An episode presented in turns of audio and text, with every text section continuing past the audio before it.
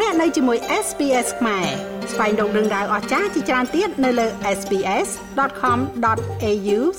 ខ្មែរ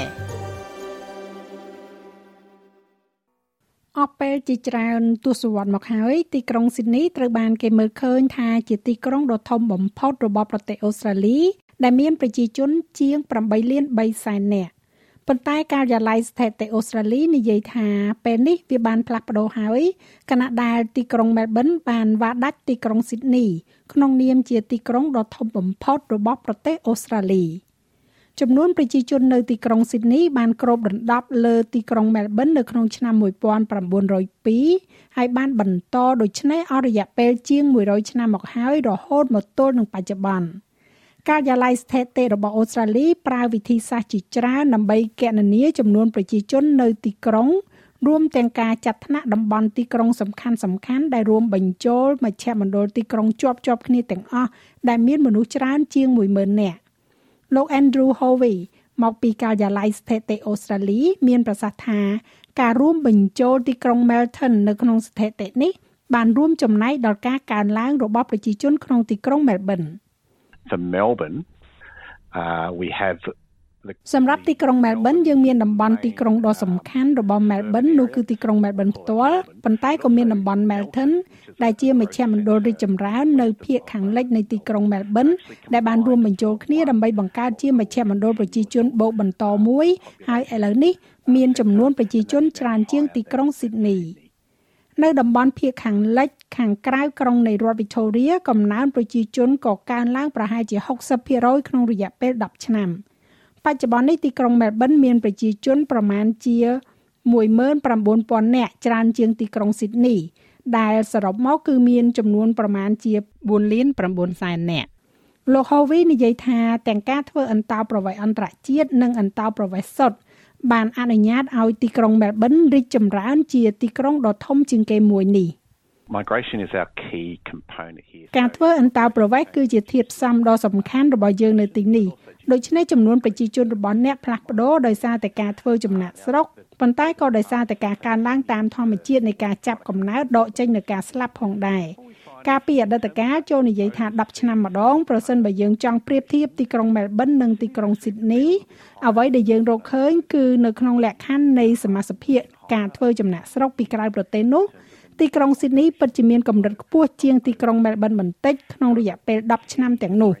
គឺប្រហែលជាកន្លះលានខ្ពស់ជាងក្នុងរយៈពេល10ឆ្នាំតកតងទៅនឹងលំហូរចូលនៃការធ្វើចំណាក់ស្រុកសុទ្ធពីក្រៅប្រទេស។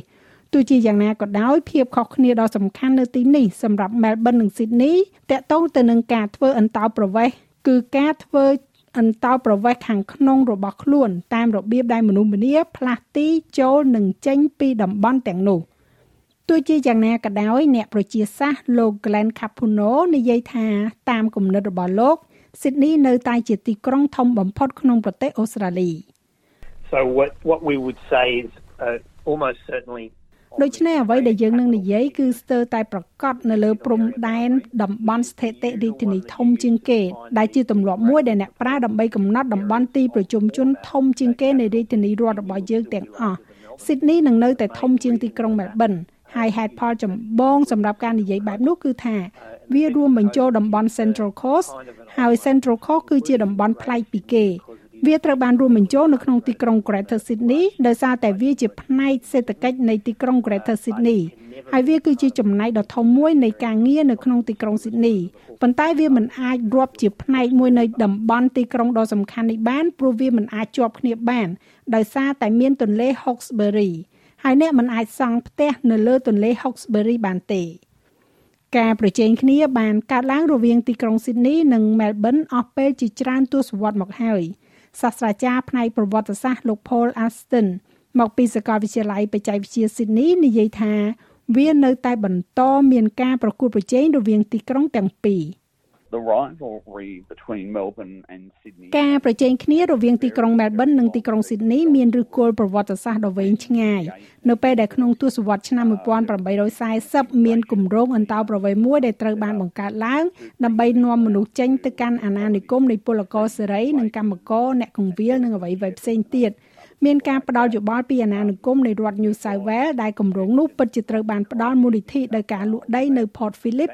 ហើយមនុស្សនៅជុំវិញ Port Phillip ដែលឥឡូវនេះរដ្ឋ Victoria បានអអន់ចិត្តយ៉ាងខ្លាំងដោយរដ្ឋ New South Wales ដែលថាពួកគេគឺជាផ្នែកមួយនៃដំណាក់កាលនោះការប្រើប្រាស់ពួកគេនឹងការលក់ដីទៅឲ្យពួកគេ